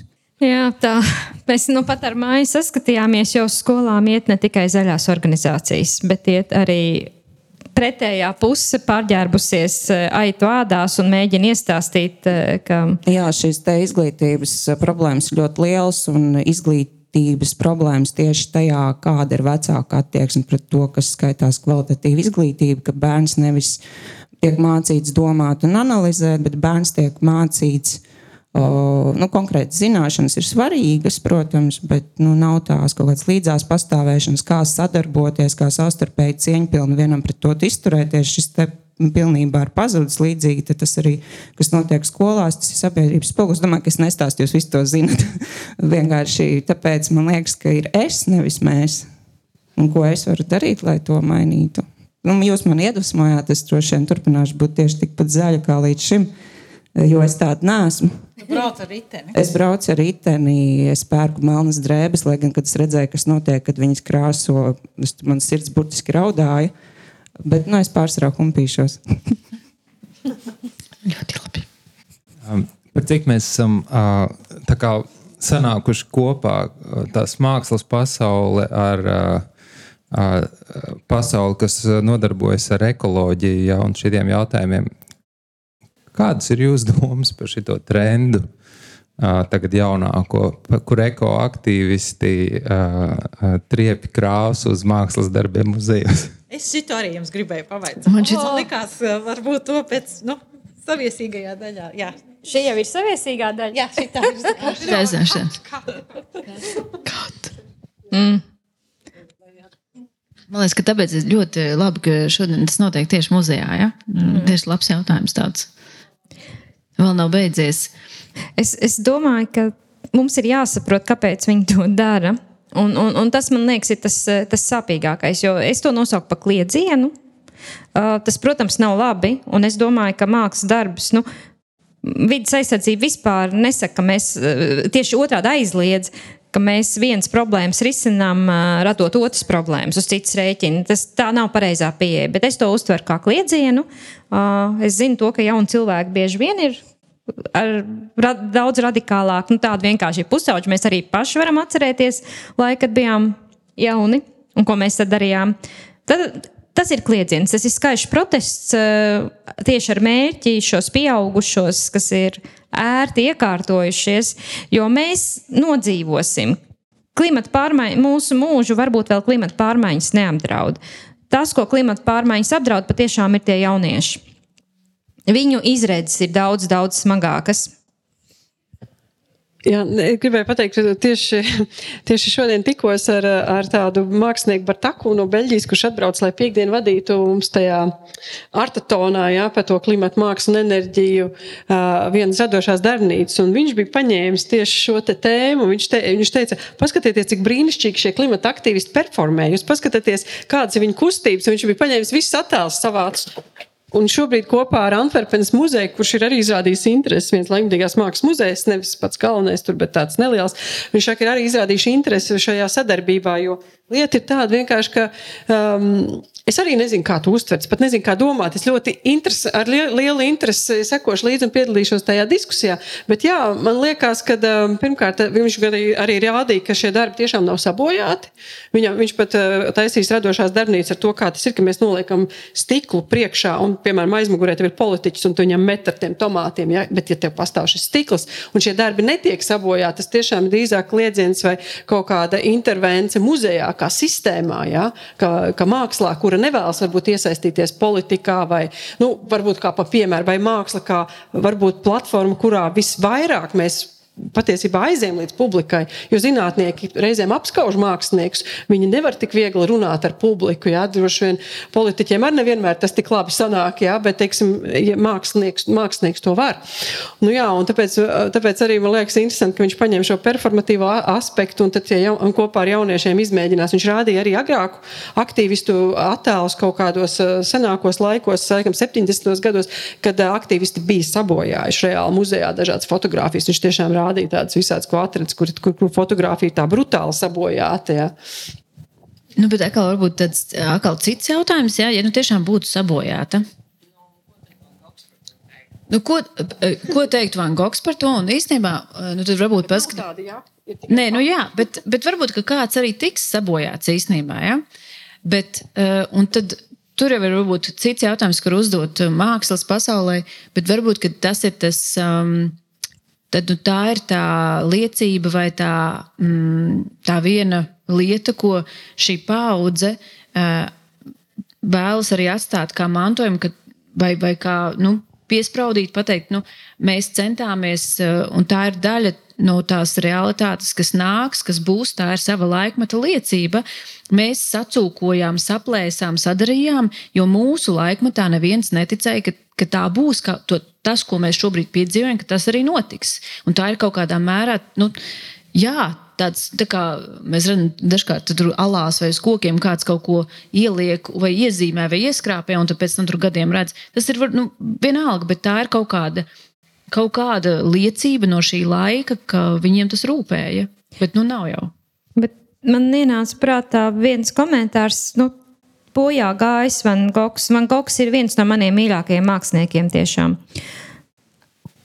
Un tad ir jautājums, kas ir sāpīgāk sirdī? Bojā gājis Van Gogs vai, teiksim, Sumatras orangutans, kas tiek nogalināts un kuram vairs nav dzīvesvietas un kurš mirst badā, vai tas leduslācis, kas tagad klīst apkārt pa Arktiku, kur, kuram nav ko ēst. Un, un tad tas ir tas jautājums. Nu, mēs, mēs, protams, daudz sāpīgāk uzsveram to, ka Van Gogs tie iet bojā. Man personiski, protams, es domāju par to mākslas darbu un, un, un, un man tas sāp. Bet, piemēram, Amazonas lietus meži, kuri arī ir, nav tālu no izmiršanas robežas. Kas ir sāpīgāk šajā brīdī? Es tikai varbūt, man liekas, ka brīnišķīgs kā tāds eh, taktisks gājiens, eh, tas kopumā ir eh, paņemts tāds taktiskais mēdījis atkal pie tā. Otrs, tas, ka man liekas, ir vērsties pret mākslas darbiem, ir salīdzinoši vieglais un drošais ceļš Jo, piemēram, vērsties pret represīvajām struktūrām būtu pavisam citas sekas. Tā kā te ir tāds īzīceļš izvēlēts. Un trešais ir droši vien tas, ka mm, nu, tas arī tas vieglais ceļš, tev mazāks varbūt sekas par to, bet publicitāte ārkārtīgi liela šim, šim gājienam, nu, tādā ziņā kā tādam izvēlētam mēdījam. Nu, jā, nezinu, man tā, tā vairāk kaut ko. Es, es zinu, 90. gados bija starp māksliniekiem pašiem e, tajā pašā interneta e, sākuma periodā bija dažādi subversiīvi, taktiski gājieni no anonīmiem cilvēkiem internetu vidē, kas mēģināja subvertēt dažādus mākslas vai, vai aktīvismu pasākumus. Tā kā, tādas formas jau vienmēr pastāvēs droši vien, bet es domāju, ka tas arī, es nered, nezinu, es pieļauju, ka drīz arī beigsies. Jā, es gribēju tikai piebilst, ka mums jāņem vērā tas, ko tad reāli panāks šāda reakcija. Un es baidos, ka tas vēl vairāk diskreditēs klimata aktīvistus. Tas noteikti nepārliecinās cilvēkus, kuri jau tā ir skeptiski, vispār nu, tā, tā klimata skeptiķi, skeptiski cilvēki. Un varētu saniknot lielu daļu no tiem, kuri šobrīd ir neitrāli un slietas pieslieties um, gan savā dzīvesadē, gan uzskatos uh, nu, tā, par dabai un klimatam draudzīgiem, uh, draudzīgu dzīvesveidu, draudzīgiem mērķiem. Tā faktiski es neesmu pārliecināta, vai taktiski tas bija tāds ļoti pareizs strateģisks solis šo darīt. Uh, jā, bet kā, kā, kā tādu kliedzienu, kā tādu, nu, teiksim, tā, es, es pat to saprotu, um, bet es neatbalstu to tādēļ, ka tas faktiski nesniegs tos mērķus, ko viņi cerēja, ko viņi sasniegs. Jā, es gribēju pateikt par šo filozofisko pieskārienu. Man jāsaka arī paldies uh, māksliniekiem, šmitiem, jo tur ir tie visuma impulsi, jo gal galā filozofiski jādomā par visu visumu, par pasauli kā tādu, ja? un kas mēs esam uz šīs pasaules. Un tad, kad jūs runājat par šiem te, jā, teiksim, mākslas darbu apliešanu un tā tālāk, man tiešām arī jādomā ir par formu un par saturu. Ziniet, jaunieši un jauni cilvēki, bērni ir patiesāki pat nekā šie pieaugušie. Un uh, man ļoti pārsteidz, ka teiksim, pedagogiem, kad mums lasīja par bērnu tiesību aizsardzību, bija šī obligātie seminārs, ka netika runāts par to, kā tad stāstīt bērniem par karu jo tā tomēr ir aktuāla problēma. Un, un vēlāk uh, Nacionālajā bibliotekā bija diskusija, kur ieradās uh, tātad, no Skandināvijas profesors, un arī mēs par to runājām. Un, ziniet, domas ir tādas, ka ļoti daudz kas ir atkarīgs uh, no tā, kāda ir mūsu sociālā sistēma. Un es, teiksim, kā pedagogs, nekad pat nerunāšu par karu un par šiem jautājumiem, tāpēc, ka es ļoti labi zinu, e, cik ļoti sašķelta sociālajā ziņā ir mūsu sabiedrība, atšķirības starp augstākajiem un starp zemākajiem slāņiem. Un, ja to teiksim, īpaši neierosinās, ja, e, tad arī par to netiks runāts ja runā par šo patiesības kritēriju, tad mēs uh, mācāmies arī atšķirt saturs un forma. Kur ir šis, te, teiksim, jūs sakat, kliedziens, ja protests, tas ir protests šādā veidā, ja, un tad tiešām ir jādomā, kas ir svarīgāks, Van Gogs, ja, vai vispār viss pasauli, lietas meži, ja, cilvēcība un tā tālāk, bet ir jāatšķir, ja, kad ir šī te āršķirīgā šī forma un kad ir patiesi šī dziļā forma. Ir labi, ka jauniešiem ir trends, piemēram, šis pats vegānisms, kas, eh, teiksim, man mazmeita ir vegāns, sākumā es domāju arī, jā, nu tā tā būs tā jefiņu, jā, darīšana kā tāda. Bet, ziniet, tas atvēra ļoti daudz acis uz kaut ko citu, jo viņi, tas nebija tikai jefiņu gājiens, jo viņi lika pārdomāt par ļoti dziļām problēmām un viņi ir vesela kopa.